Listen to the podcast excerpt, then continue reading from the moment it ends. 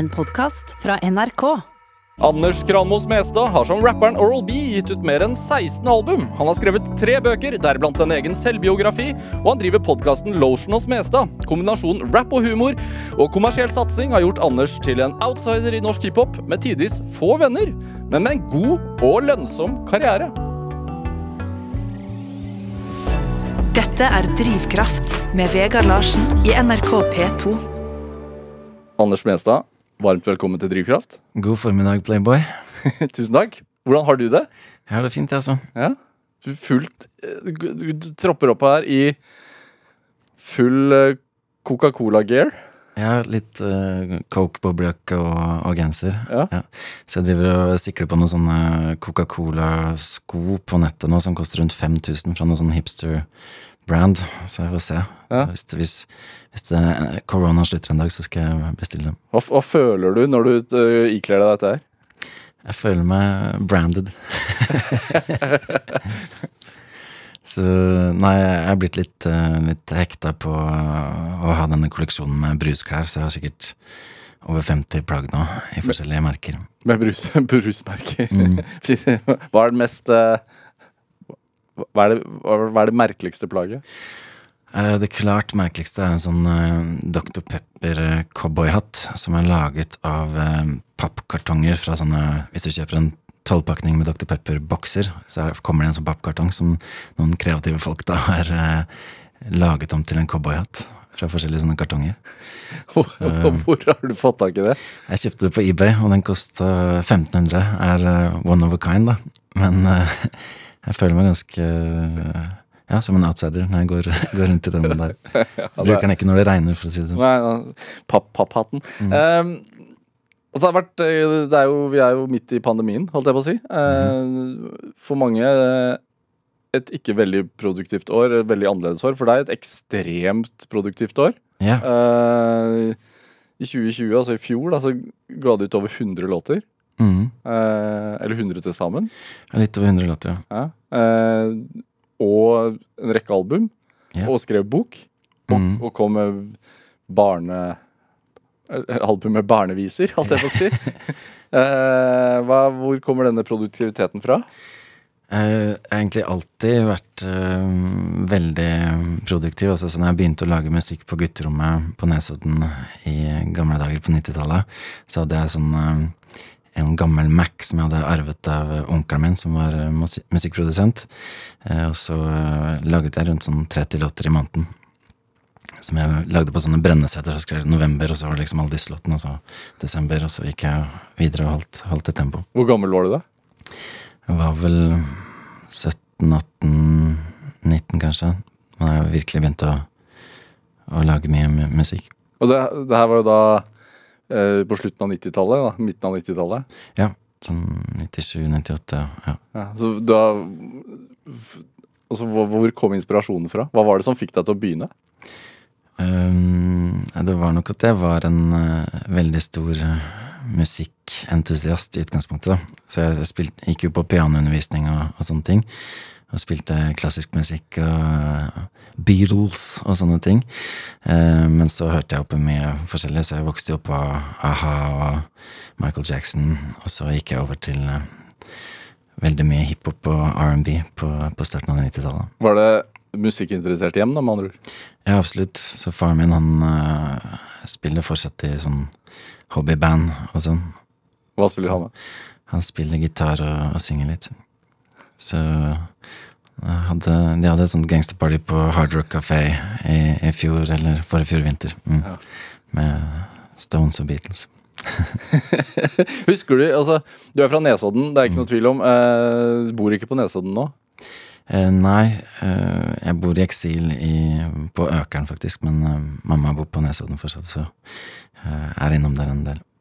Ja, Nesodden som ligger jo eh, rett utafor Oslo, en kort båttur unna. Eh, er det hvordan var, hvordan var det å begynne med rap den gang? Det var jo Jeg vet ikke om noen andre som rappa på Nesodden før meg, så jeg er den første og den største. Men øhm, det var ganske spesielt, og da var det jo en sånn annen øh, holdning til øh, rap generelt. At det var noe noe som kun svarte i USA kunne holde på med, på en måte. Eh, så det var mye Det var ikke så mye positive reaksjoner når man eh, Jeg begynte å sette på dette på, på fester og sånne ting, men så begynte det å skje en liten sånn eh, Du hadde jo først den bølgen med Vanilla Ice og MC Hammer som var mer sånn ansett som popmusikk da rundt 1990, men så kom det rundt sånn 94-95, når det kom sånn uh, Warren G, Regulate, Coolio, Gangsters Paradise, Loonies, I Got Five og nytt og sånn, som også begynte å komme på listene i Norge. Da var du sånn 12-13 år gammel? Jeg var nok litt eldre, så jeg var rundt 15.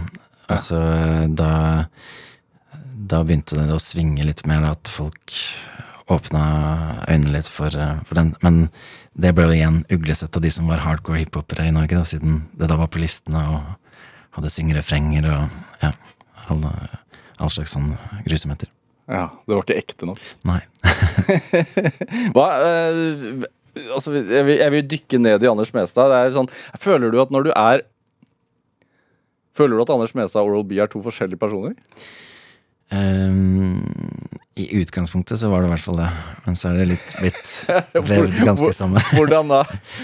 um, nei, i hvert fall når jeg starta som det, så var det jo veldig tydelig en karakter, da, som var litt um, jeg, jeg begynte jo faktisk på P3 i 92 Nei, 93, når, når P3 starta, med Howard, og da lagde jeg ukentlige låter som var mer sånn absurde humorting, men det var mye rap-greier på for eksempel beats fra Ice-T eller Ice Cube og sånne ting på den tiden også. Um, og da var det helt klart en sånn crazy karakter.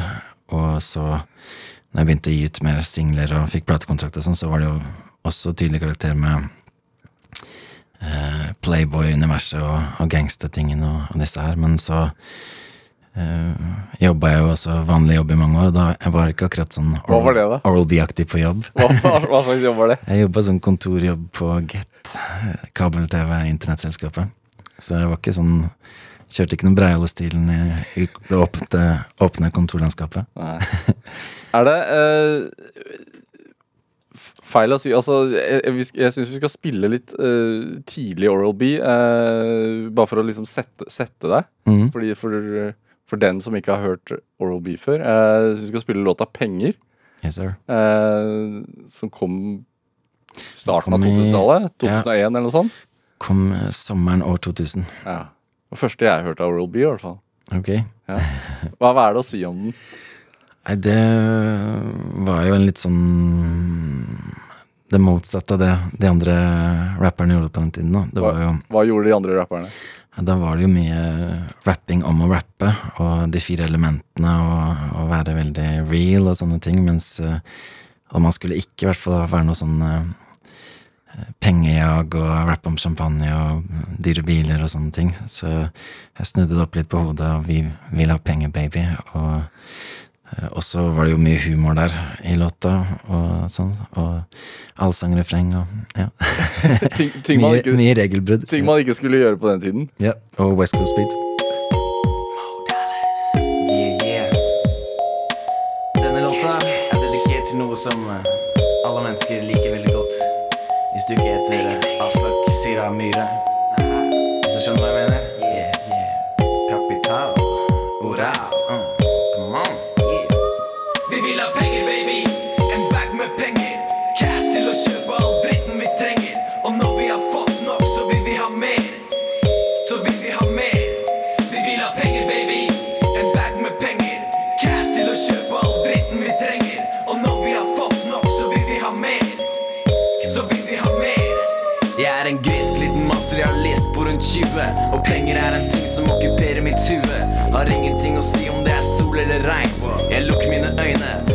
Og alt jeg ser er dollartegn Cha-ching, eller tegnet for pund.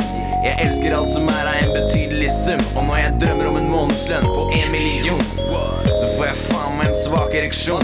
Men slik det er nå, så må jeg nøye meg med mindre. Bare hundretusener, men det skal ikke hindre Mine visjoner om en konto fylt med millioner av kroner. Så er slutt på diskusjoner om at mine ambisjoner Er lave som en dverg. Jeg vurderer å skifte etternavn til Pengeberg. Du skjønner, aha Et berg med penger. Og nå er det tid for et av mine refrenger. Vi vil ha penger, baby.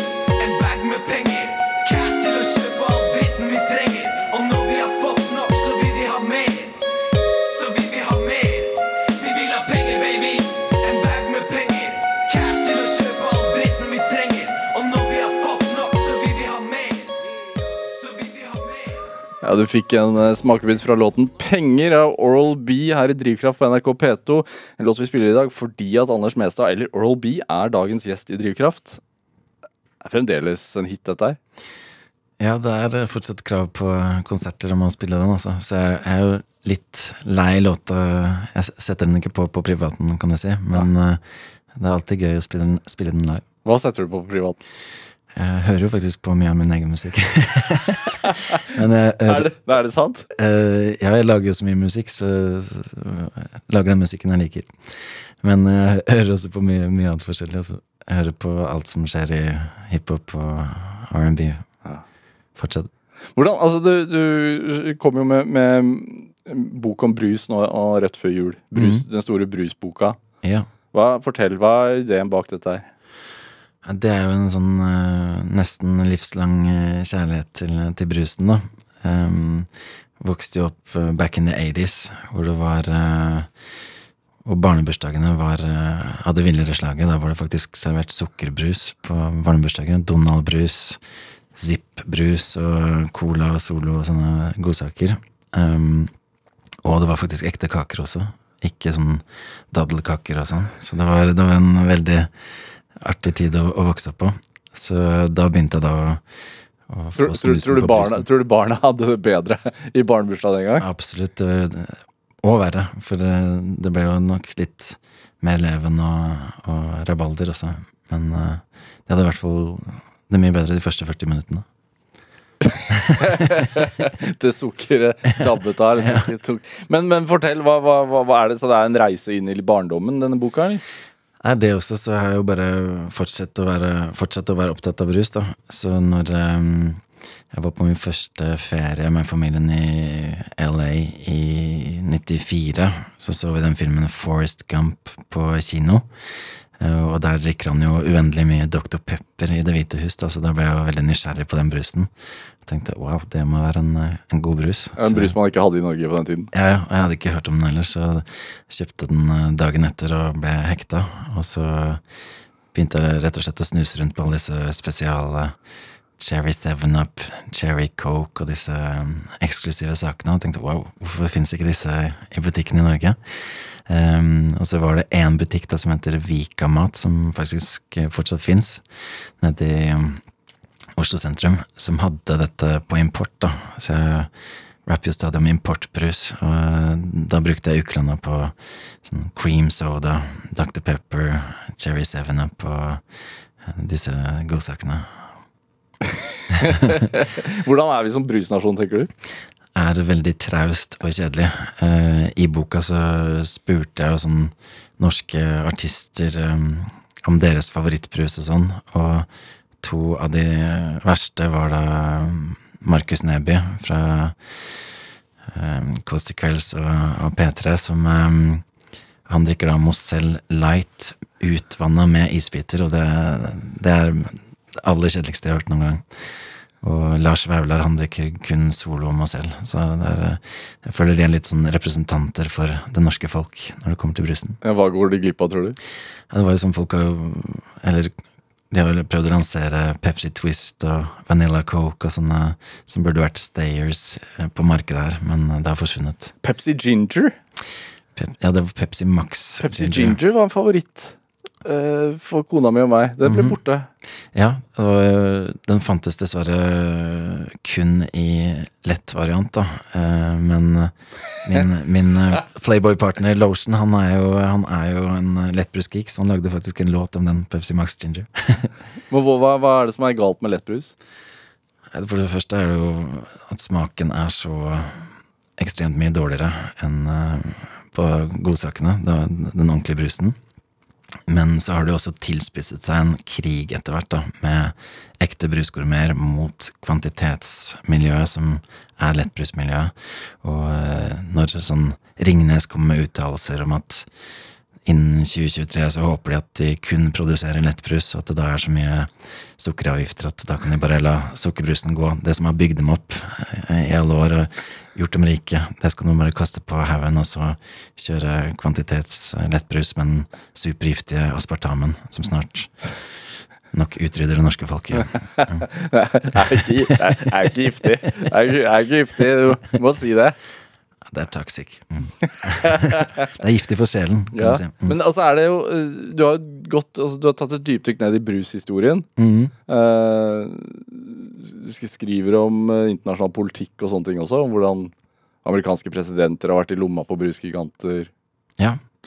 Det har vært noe av det mest spennende når jeg har liksom gått tilbake og sett på spesielt Coke og Pepsi sin historie, da, for de er jo gigantene og har drevet fram eh, brusmarkedet. Når den ene kommer med én smak, så kommer den andre med en konkurrerende smak, og det er sånn hele veien å prøve å drepe hverandres produkter og sånn, og også da få størst fotfeste rundt i verden på forskjellige markeder. og bruke kriger eh, som unnskyldning for å få innpass her og der og sånn. Eh, og ja, det er som for eksempel eksempler på som jeg nevner i boka om Jimmy Carter, som da han var jo fra Georgia, som er Atlanta, som er Cokes hovedkvarter, og de backet han noe, noe voldsomt, og han eh, hadde jo en sånn samtale med Portugal, som hadde hatt et forbud mot Coca-Cola i 60 år. Og han tilbød, dem et, eh, et lån på eh, Jeg tror det var 300 millioner dollar, hvis eh, de slapp inn coke på markedet der, og da, da gikk det fint. Er, dette sant? Ja, det er sant. det er sant Og det samme skjedde i Kina, tror jeg. Da, da fikk han også Jimmy Carter fikk inn cola i Kina. Og da ble det jo reklamert med sånn uh, Coke brings life to every party, even a communist one. Så selv kommunistpartiet, liksom. Og eh, og så er det også, også morsomme ting at han Joseph McCarthy, han kommunistjegeren, han var Pepsi-mann. Så det er sånn evig sånn eh, krig med historiske referanser til disse tingene, da. Hva, en, hva, hva vil du si er en typisk Altså Kan man definere et menneske ut ifra hvilken brus de liker, tenker du? Uh, det syns jeg er litt vanskelig, men uh, sånn tradisjonelt sett i USA så har det vært i hvert fall at uh, Hvem er Pepsi Max-drikkeren, liksom? Ja, Diet Coke-drikkeren er i hvert fall Donald Trump, da. Han heller i seg elleve Diet Cokes per dag, og gjør tydeligvis noe med temperamentet og dømmekraften. Så jeg vil ikke anbefale det til noen, som i lettbrus. Hvor, hvor, altså, hvor gøy har du det når du holder på med dette her? Ja, det er jo veldig gøy, så det var også sånn uendelig med materiale, så etter hvert så måtte jeg bare sette stopp. Da hadde jeg 25 kapitler eller noe sånt, så eh, kanskje det bare er Brusboka del én, dette her. Ja, det er jo, og så er det historier om, om eh, altså, fotball, fotball, den norske Mjøndalen som ble lurt av noe, og skotsk brus og noe greier. Mhm. Hva er det for noe? Ja, det var også sånn merkelig historie hvor det var eh, en som ja, Iron Brew er jo da skottenes nasjonaldrink nummer to etter whisky. Eh, og så skulle den lanseres i Norge, det var vel kanskje sånn 2007 eller et eller annet sånt. Og da var det en som kontakta Mjøndalen fotballag og sa at de representerte Iron Brew og ville sponse og ha navnet på drakten og sånn. Og så fikk de da trykt opp drakter med dette her, og sånn, og så viste det seg etter hvert at, at eh, de, det var en Det var helt fake. Det var ikke noen som hadde noe kontakt med Iron Brew som hadde tilbudt dette, her, så de løp rundt med disse reklamedraktene. Falske trøyer? Ja, men eh, det var veldig merkelig, for de hadde ikke mottatt noen penger, og ingen hadde tjent noe på dette, eller noe sånt, så jeg, jeg ville jo da tro at det var en brusfantast som eh, sto bak dette for å skape blest rundt sin favorittbrus. Når, når du da gir ut en brusbok og gir ut alb julebrusalbum og brusbangers og Hva, hva Jeg, jeg ga ut hvor- tre album om brus. Tre album om brus. Hva, hva er det, Fortell, hva er det som skjer? Det er jo litt sånn øh, Jeg liker å sette meg selv litt sånn challenges, da. At øh, hele karrieren min er jo en challenge i seg selv. Og så også den type Oral B-formelen med at mange av låtene handler om de samme, å si de samme tingene. Jeg er fra Nesodden, jeg er en playboy. Disse tingene på forskjellige måter og på en morsom måte. Og så eh, har det jo vært ting som når vi gjorde disse eh, låtene for verdens rikeste land på P3, hvor vi lagde én låt i uka om et aktuelt tema. Eh, det var en ganske sånn intens utfordring. For da måtte vi finne nye ting hver uke og lage låter hver uke, og det skulle være ordentlig med refreng og beat og, og alt mulig. Ja, det skulle være ordentlige låter. Ja, ja. Så det var en utfordring som eh, jeg omfavnet. Og så, når jeg begynte å tenke på dette med brus, og så da tenkte jeg jeg må lage et helt album om brus, rett og slett. Um, og så fikk jeg rett og slett så mange ideer at, at det begynte å bli for mange låter til et album. Og da tenkte jeg nei, jeg må lage to album om brus. Og så tenkte jeg ja, nå nærmer det seg jul også. Jeg, nei, jeg må lage et julebrusalbum også. Så bare prøve å Jeg skal innrømme at, at jeg ble litt krampaktig på Bruce Bangers 2. Da, jeg, da hadde jeg ikke så lyst på de siste tre-fire låtene der til å, til å lage flere, men jeg hadde satt meg dette målet om å gi ut uh, to album innen, innen den høsten om brus. Men uh, når jeg begynte med julebrusbangers igjen, da fikk jeg på en måte ny inspirasjon til å uh, Da kunne du omfavne hele julesounden med bjeller og naive melodier og rap omfullt av juleting og julebrus og nissens slede og Fanta Claus og mye, mye inspirasjon som kom da. Hvor kommer inspirasjonen fra, tror du? Um, det er forskjellige ting. Altså, det hender jo at jeg bare ser noen ting på um, nyhetene, og så blir inspirert av et ord eller en sak som skjer, til å, til å lage noe. Eller at jeg bare er rundt omkring og spiller show og er på vorspiel og noen sier et ord eller holder på med noe, og, ja, og så blir det til en situasjon i en låt, eller at jeg bruker noen ord jeg har plukket opp her og der, eller sånne ting. Ellers er det jo brusen, er jo, den er jo en, faktisk en drivkraft i, i mitt liv. Når jeg venter på helgen, da, da heller jeg i meg eliksiren som uh, hjelper meg å være kreativ, da. Ja, for Det er bare brus i helgen? Eh, ja, jeg er ikke sånn kjempeglad i alkohol. Jeg, jeg drikker det bare på jobb, kan du si. For, på, I forbindelse med konserter og sånn. Ja, du rapper om det. Ja. Ja. Um, jeg syns vi skal spille en låt til. jeg. Uh, en ganske ny låt. Uh, låt som heter 'Tilbake til 80-tallet'. Det tar i hvert fall meg tilbake til min barndom. Hva, hva, hva, er- hva er greia med den låten? Ja, den er ikke så ny, altså den er fra uh, 2005, tror jeg. Ja. Men eh, eh, det er jo litt sånn nostalgi rundt dette med brus og alle disse tingene jeg vokste opp eh, på også, da. Ja. Jeg ser jo for eksempel på Cobra Kai på Netflix nå, som er liksom Karate Kid Fordi Hvor de da plukket opp tråden fra min gamle favorittfilm Karate Kid fra 1984, og så fortsetter de der de slapp, egentlig. Så det er mye, mye sånne referanser. Og i eh, Back to the 80s-låta så er det også eh, mye sånn at de mimrer rett og slett rundt eh, ting som var viktige når man vokste opp.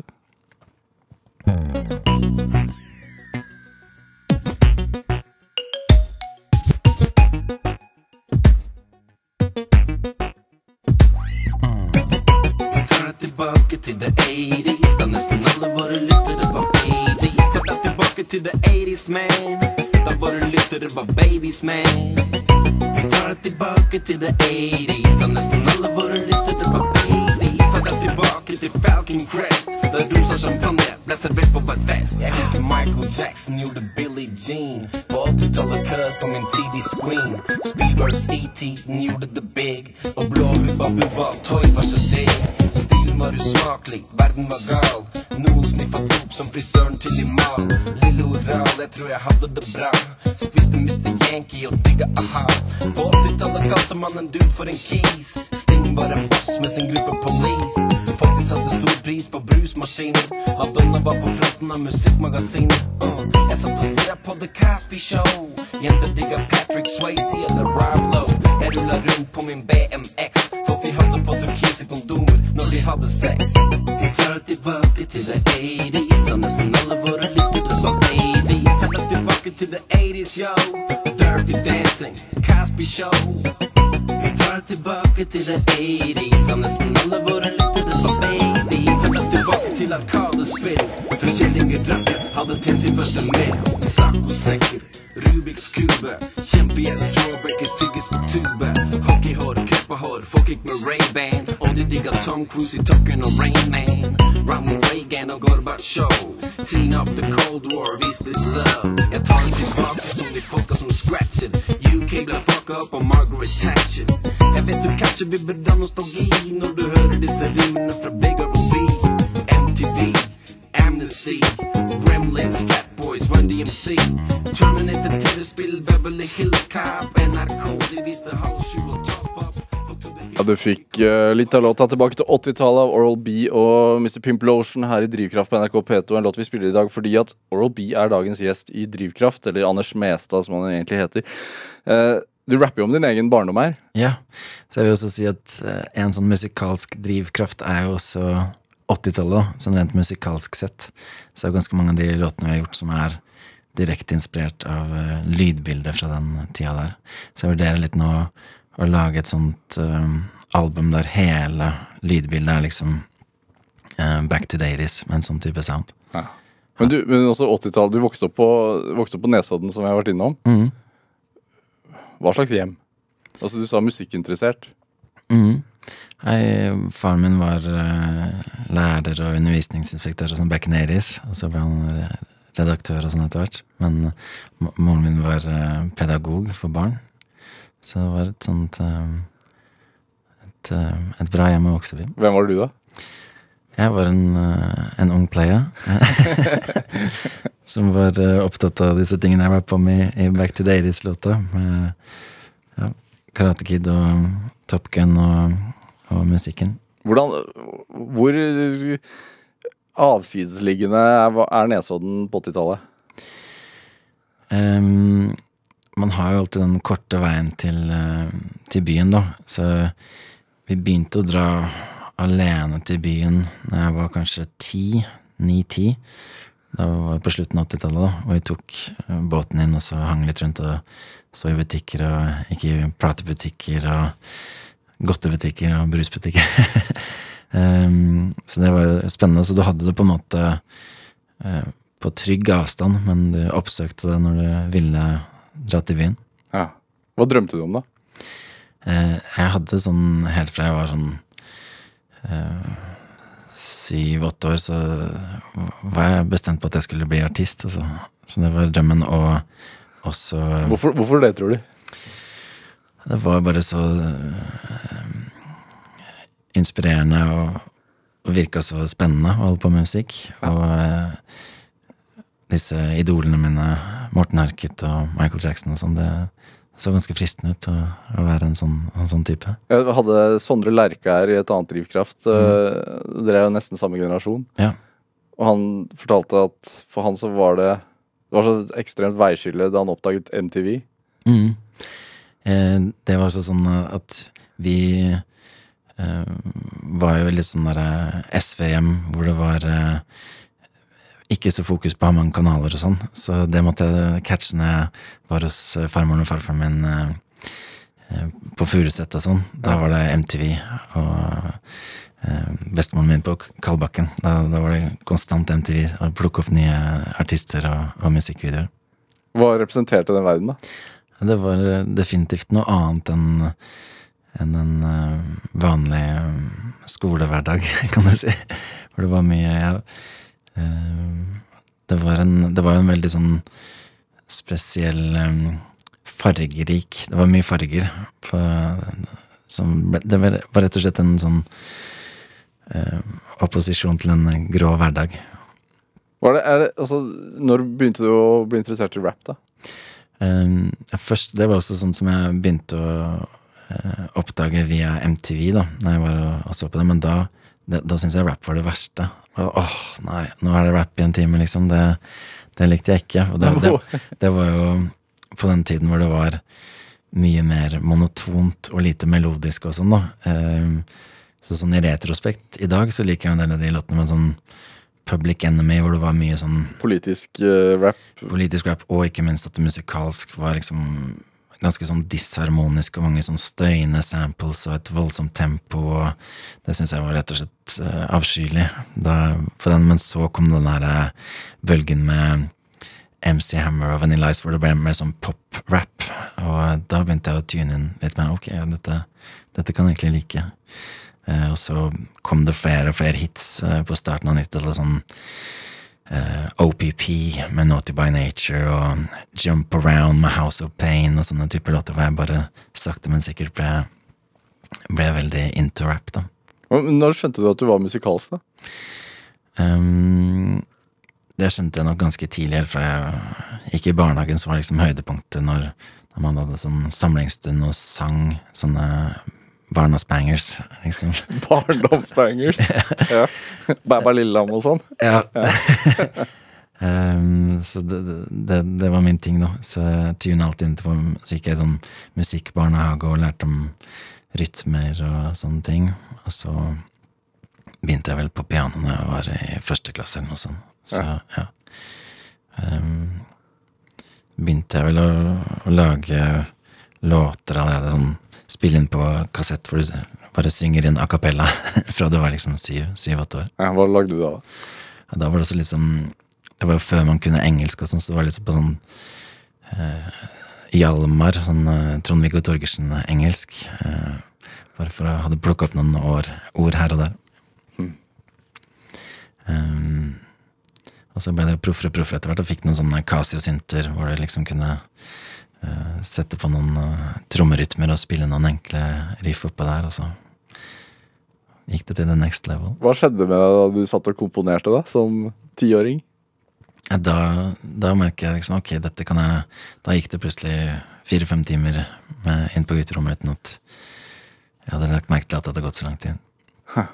Så det var eh, Og sånn holdt jeg egentlig på på ungdomsskolen også. Jeg hadde jo en, en god del venner som jeg hang med og sånn, men jeg hadde aldri noe behov for å være sånn som hang på ungdomsklubben og sånn. Da, da tenkte jeg nei, det, da den tiden kan jeg heller bruke på å lage musikk. Og sammen med sånn spille PlayStation og sånne ting, som jeg også likte, men som jeg tenkte det, Hva kommer det ut av dette liksom? Det var, var før det ble sånne gamere som tjente, tjente millioner. Så da, da nedprioriterte jeg også det, og, gikk for å lage musikk isteden, som jeg tenkte kunne ta meg noe sted. da. Men du var tidlig liksom målretta og Mm. målbevisst, da. Ja, ja. Så jeg, jeg, Hvilken sjanger var det? Altså, Var målet å bli den nye Morten Harket, eller var det Ja, det var absolutt sånn popmusikk, liksom, som jeg så for meg i første omgang. Ja. Uh, og så ble jeg jo mer og mer sånn hjernevaska av hiphopen, da, siden jeg hørte jo mer og mer på det. Og så ble det naturlig å uttrykke seg sånn. Men det var jo også sånn um, Selve det med å rappe på norsk på 90-tallet var jo sånn fy-fy? ja, det var helt utenkelig, liksom. Så det var jo um, det som var naturlig for meg.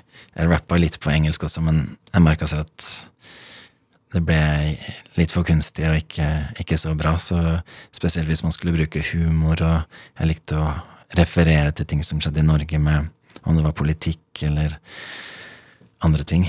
Så da, da la jeg merke til at selve det å uttrykke seg var, var mest interessant for meg på norsk, da. Ja. Um, så det, ja, det begynte allerede når jeg holdt på i P3 der, med å trekke inn sånne norske figurer i, i rappen og sånn, og det ble jo nytt, noe nytt igjen, liksom, siden man ikke hadde, hadde hørt det. Ja, Rap på norsk kom jo liksom på slutten av 90-tallet, starten av 2000-tallet. Men dere fikk jo, altså vi spilte jo låta 'Penger' her litt tidligere, som jo var et slags gjennombrudd. Mm. Og resultatet var jo at dere fikk massivt uh, juling, alt jeg får si. Absolutt. Folk hørte på det, men ikke, ikke hiphop-miljøet. Nei, Um, det var jo da Etter jeg ga ut den låta 'Penger', så linka jeg opp da med Det var to som likte det, og det var uh, Mr. Pimplotion og Big Ice, da, som fortsatt er mine, mine samarbeidspartnere.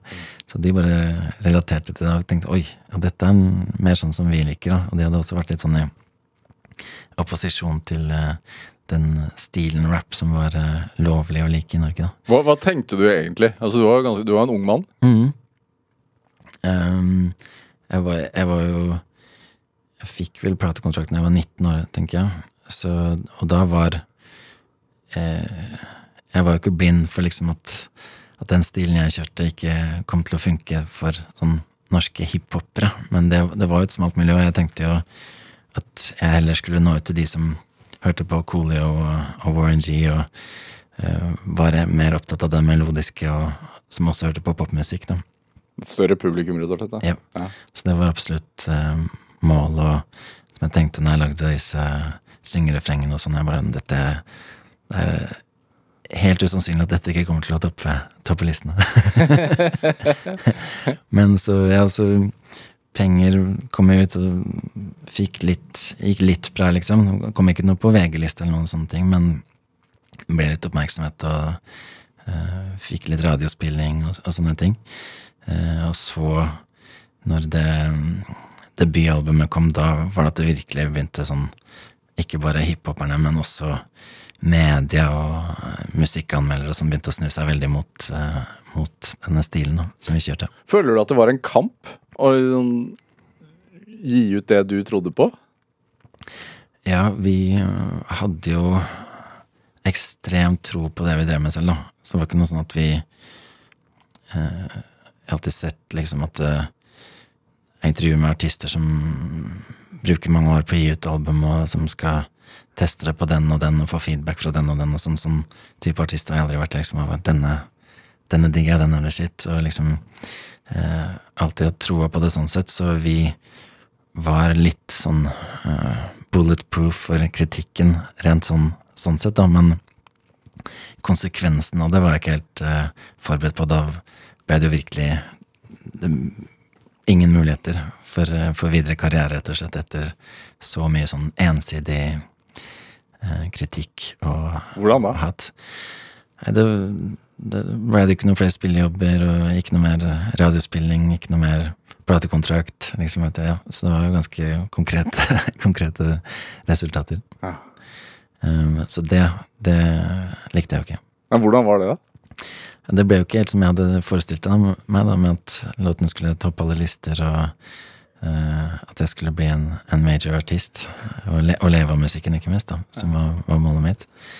Um, så da gikk vi jo en annen vei enn da, at, med, at um, han Big Ice hadde en del kontakter i USA, som vi begynte å produsere, lage da musikken for uh, en del uh, Amerikanske artister. ja, undergrunnsrappere der i USA. Og det holdt vi intenst på med, og da var det nytt mål. Ok, nå skal vi lykkes der og uh, gjøre det big i USA, rett og slett. Uh, så vi gjorde en god del prosjekter. Jeg tror vi produserte på over 70 utgivelser der i en periode på kanskje fire-fem år. Hvordan jobbet dere da? Ja, da var det jo eh, ikke sånn der nå, så da måtte vi jo Internett og sånn. Du fikk ikke sendt beats. Det var ikke raskt nok internett? Nei, nei, nei. Så vi sendte CD-er med beats, og så tok det som regel to uker før de fikk det. Og så ringte da Big Eyes opp for å sjekke om de hadde fått det, og om, om de likte det, og om det var noe de skulle bruke. Og så, hvis de skulle bruke et par, ok, da holder vi av de, og så sender vi en ny til CD til noen andre med liksom de som ikke skulle brukes der. Og det var Det gikk en del tregere, det kan du si. Ja. også med sånn miksing. Vi måtte jo sende da så tenkte Ok, så sender de kanskje mm, vokalen til oss, og så skal vi mikse det, og så sender vi tilbake igjen med CD. To nye uker går. Så det, det, var, det var ikke spesielt effektivt eh, sett med dagens øyne. Altså. Men hvorfor, hvorfor orket dere?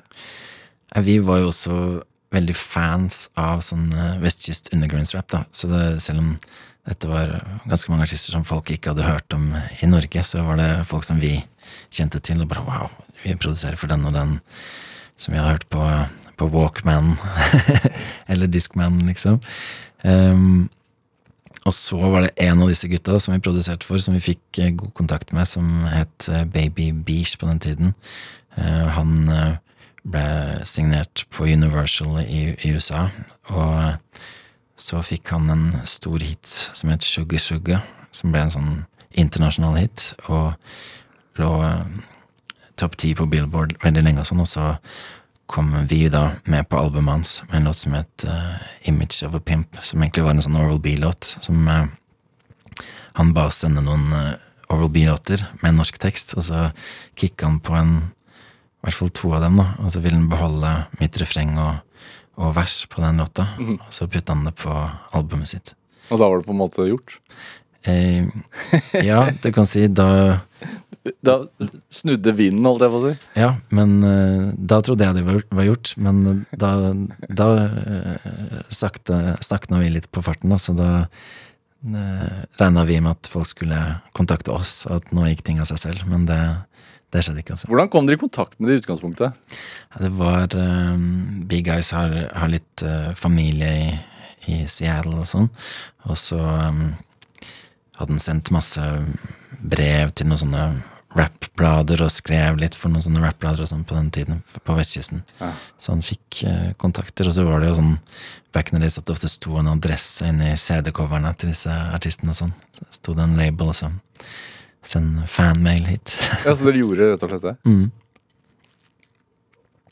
Så det var en, eh, var en morsom periode. Det var, det var liksom ikke sånn eh, umiddelbare uh, svar som det er i dag. Så det var mye gå og lure og vente og vente på neste utgivelse.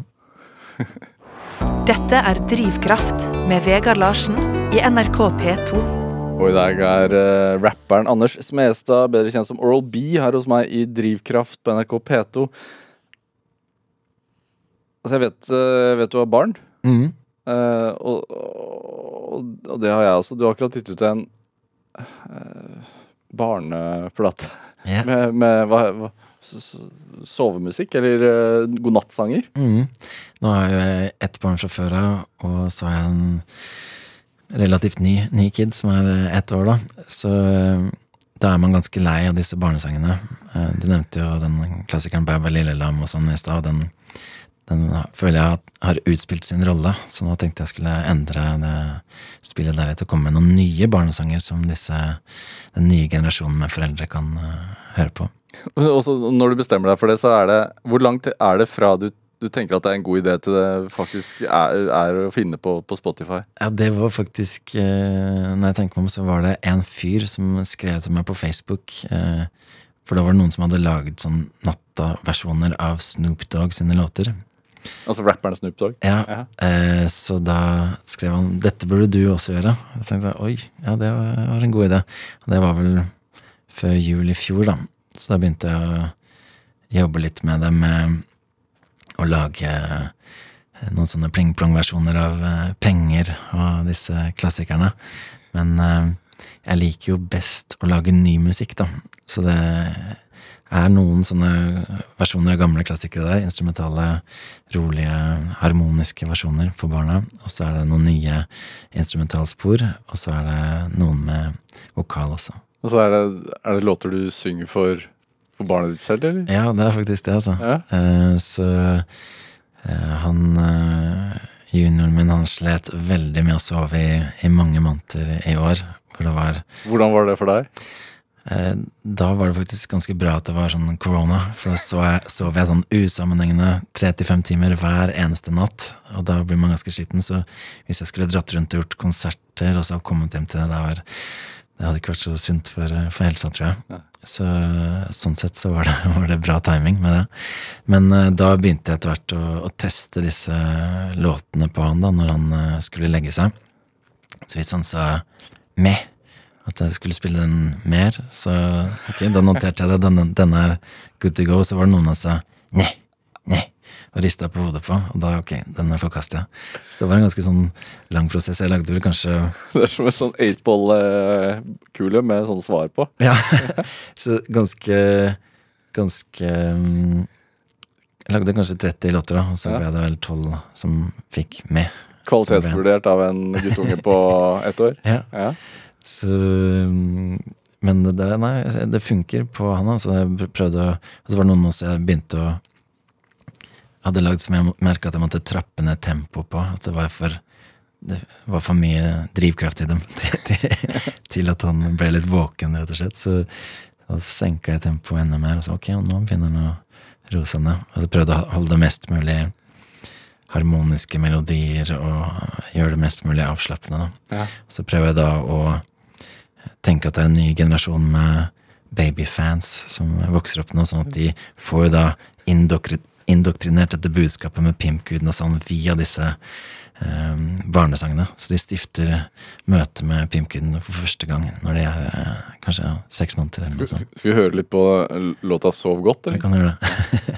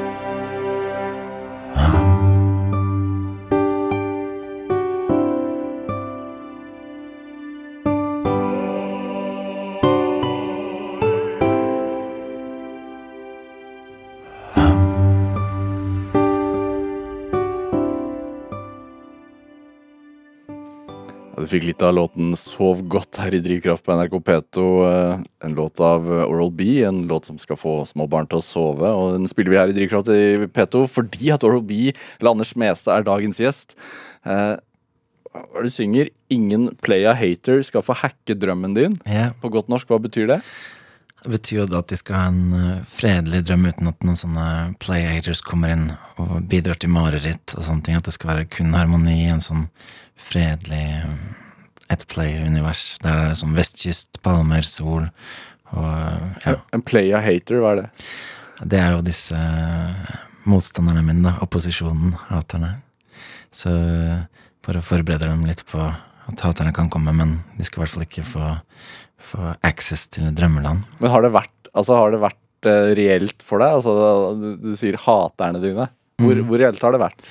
Det var jo ekstremt reelt eh, ja, fra eh, 2000 til ja, 2012-13 eller noe sånt. Så det var ganske mange år hvor, hvor jeg var litt sånn spedalsk i, i norsk hiphop, rett og slett. Det var ingen som ville gjøre noe samarbeid eller noe sånt på den tiden. Uh, og man ble aldri invitert til å spille på noen sånne konserter som andre rappere eller noen, noe sånne ting. Hva tenkte du om det, da? Uh, det ble jo litt sånn eh, opposisjonsposisjon som vi omfavnet, da, som gjorde oss tre veldig sammensveiset også. Uh, at det var oss mot dem, kan du si. Da bare skulle dere gire opp enda et hakk, liksom? Eller? Det ble jo litt slitsomt etter hvert også. Uh, og uh, jeg dissa jo også andre rappere, og det var kanskje ikke den beste Jeg, jeg, jeg kasta jo bensin på bålet, absolutt. så det ble, ble litt sånn slitsomt i lengden. Men eh, så, etter at jeg hadde gitt ut den eh, selvbiografien min, 'Livet til en norsk boss', i, i 2013, så eh, begynte litt flere å, å skjønne Boka, altså? bakgrunnen. Ja Ja. og hvem, hva slags type jeg var, og uh, hva som var min motivasjon, og hva jeg drev med. Ja, hva var det, da? De så vel kanskje at det var uh, både musikkjærlighet og evne til å gå sin egen vei, og eh, humor og sånne ting i det. Hvorfor tror du at det var så lite Det begynner jo å bli en stund siden Hvorfor tror du at det har vært så lite humor i, i den uh, musikkformen? Det var jo I hvert fall de som var inspirert av litt sånn sint politisk rap, så var det jo ikke noe humor å hente der heller. Og så var det jo også det at hiphoper i seg selv ble litt sånn latterliggjort på 90-tallet, da, sånn at eh, de skulle vise Stå sterkt i det de trodde på, og eh, være veldig dypt inne i hiphop-kulturen, rett og slett. Som du har, virker som alltid egentlig har hatt et sånn ironisk forhold til. da. Eh, ja, ikke musikken, da. Nei. Den har alltid vært viktig for meg, men selve dette med Med lingoen og sånne ting. Ja. ehm, men dette med, med at eh, de fire elementene med graffiti og breakdancing og sånne ting, det har aldri vært noe viktig for meg. Altså. Så det- da ble det ikke naturlig for meg å, å, å rappe om det heller. Eller å delta i det. Nei. Men sånn som med tekstene dine, da.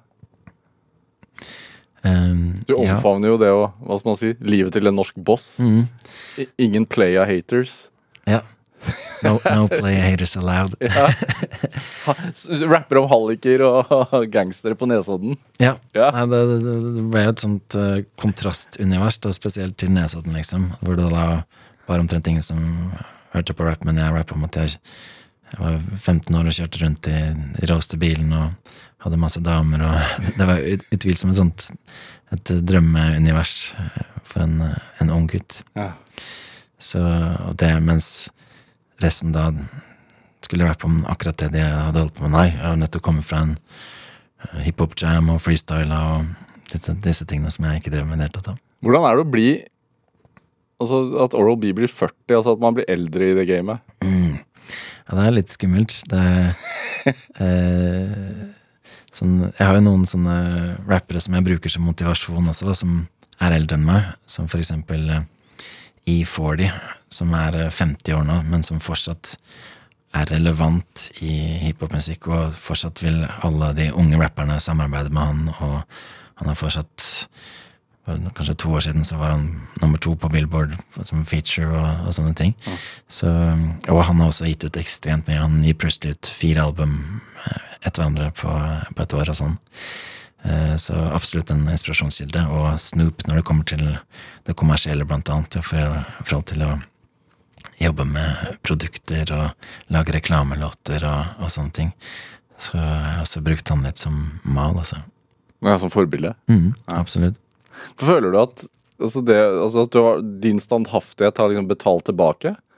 For du har gått fra å være et utskudd og uglesett og ikke få lov til å være en del av, av en hva skal man si, undergrunnssjanger, til å eh, bli omfavnet da, og få låter eh, på hitlisten og bli spilt av atskillige millioner ganger mm. på Spotify, eksempel. Ja, nei, det har absolutt endra seg, det der. Og så har jeg da etter hvert også blitt spurt om å gjøre mye gjestevers, da. Og det kan være fra folk som er nå undergrunnsrappere som aldri ville, ville gjort noe med meg før, til, eh, til popartister, rett og slett, som Morgan Sulele. Så eh, gjør, gjør det jeg vil. Ja. Hva tenker du om det, da? At du er det Du ga Altså at det var du, du, du, du, du gikk din egen vei på et vis? Mm -hmm. uh, ja, det, det kan du si at det, det straffa seg i en tolv års tid, og så, og så begynte det å lønne seg. For da ble jo Vi fikk jo veldig mye, mye hardcore fans, da. Så, eller ikke mye, men noen hardcore fans som eh, virkelig representerte oss og ble sånn jungeltelegraf og spilte oss på fester og var all in på at eh, vi var de feteste, da. Så det var kanskje hoved, hovedgrunnen til at eh, vinden snudde for vår del, at vi fikk noen sånne skikkelig patrioter, Playboy-patrioter. Var det perioder du tenkte at det, er- det orker jeg ikke mer? Eh, nei, jeg har alltid hatt lyst til å lage musikken, men eh, sånn, jeg trodde aldri det skulle funke å være å, å lage Oral B-musikk i Norge noensinne, altså. Så Hvorfor, hvorfor, hvorfor ikke? Det var, alle dører var lukket, og det var jo ingen som hørte på det i noe særlig grad. Da. Det var noen som spilte penger på fest, liksom. Ja. Um, men så ble det en sånn movement etter jeg ga ut den boka, og, uh, og så begynte jo det musikalske i Norge hadde jo forandra seg veldig også, fått mye mer rappere som lagde melodisk musikk. Carpe Diem, Erik og Chris, som dro det kommersielle veldig langt. Så da ble ikke vi verstingene lenger, sammenlignet med alt som skjedde da. Ja. Det er- absurd å tenke på Ja. at en gang i tiden var sånn. At dere var verstingene. Ja. Så, og så begynte vi å spille mye konserter, da, og vi, hadde, vi har jo Jeg går jo alltid med en lue, og det er en, en nisjelue. Som eh, Vi har alltid gjort vår egen sånn nisjeting, så vi har alltid da takket ja til å spille på bursdagsfester igjen med stua til folk, og Bryllup og bryllup, og vi har wedding singers eh, og sånne ting som eh, ikke artister kanskje syns er så stolte øyeblikk, da, men vi er Det har vært vår vei, kan du si, å gå og ta de jobbene der. lagde låt med Didrik Solli Tangen, du og Pimplotion. Da røkka det bursdag. Ja. En sånn typisk sånn eh, forespørsel vi, vi får. Ja. Så eh, vi har lagd, eh, lagd en del sånne låter for en del rike 60-åringer. Som ikke er kommet ut også. Ok. Eller som er blitt brukt i privatsammenheng. Hva får dere for det? Vi får um, det, det er ganske mange streams som skal til før man, før man tjener inn noe, noe sånt. Hvis man gir ut en singel, vanlig singel. Ja. Så ja, det er uh, Det får være svaret godt nok. um, hva tenker du er drivkraften til Anders Mestad? um, Det er jo i bunn og grunn målet mitt alltid har vært uh, å leve komfortabelt av å lage musikk, vil jeg si, da. Det har uh, liksom vært et sånt ideal. Det trenger ikke være liksom den største og mest bejublede prisvinnende artisten, og, eller den som får terningkast seks, men eh, å lage musikk og leve av det, det har vært eh, viktig for meg. Men hva tenker du om altså, den kunstneriske? Altså kvaliteten? Er, hvor vesentlig er det? Eh, ja, nå ble det jo litt kvantitet i fjoråret, da, med over 100 100 låter. ja. Men uh, uh, det kvalitetsmessige har alltid også vært viktig i forhold til sånn uh, Alltid opptatt av musikken og refrenget og versene. Så jeg vil helst at alle de, de tre tingene skal klaffe. Ja. Um, Hva er du mest stolt av? da? Um, Nei, det, det var jo veldig stort når vi fikk uh, gullplate for den Baby Bash-albumet i, i USA. USA. Da. Det var uh, litt sånn uvirkelig, samtidig som jeg hadde hatt det som mål å komme på Billboard-lista, og dette, så det var veldig tilfredsstillende. Og bare wow, dette skjedde for real. Og at det i tillegg var den merkelige historien at jeg synger og rapper på norsk på det albumet, og litt sånn unik, unik greie. Ja. Eh, ellers er det jo selvfølgelig Han, han uglesette fra Nesodden, han fikk gullplate i USA. Ja. Eh, eh, ja, ellers så er det jo hele greia med at vi plutselig lykkes igjen med, med musikken. Og også å holde det gående med å produsere nye ting hele tiden. Anders Mestad, tusen takk for at du kom hit til Drivkraft. La meg avslutte med et jabba. Jabba! Hør flere samtaler i Drivkraft på NRK på nett, eller last oss ned som podkast. Send oss gjerne en post med ris og ros. Send den til drivkraft, krøllalfa, Pål Arvid Jørgensen var produsent og researcher i dag. Jeg heter Vegard Larsen. Vi høres. Du har hørt en podkast fra NRK. Hør flere podkaster og din NRK-kanal i appen NRK Radio.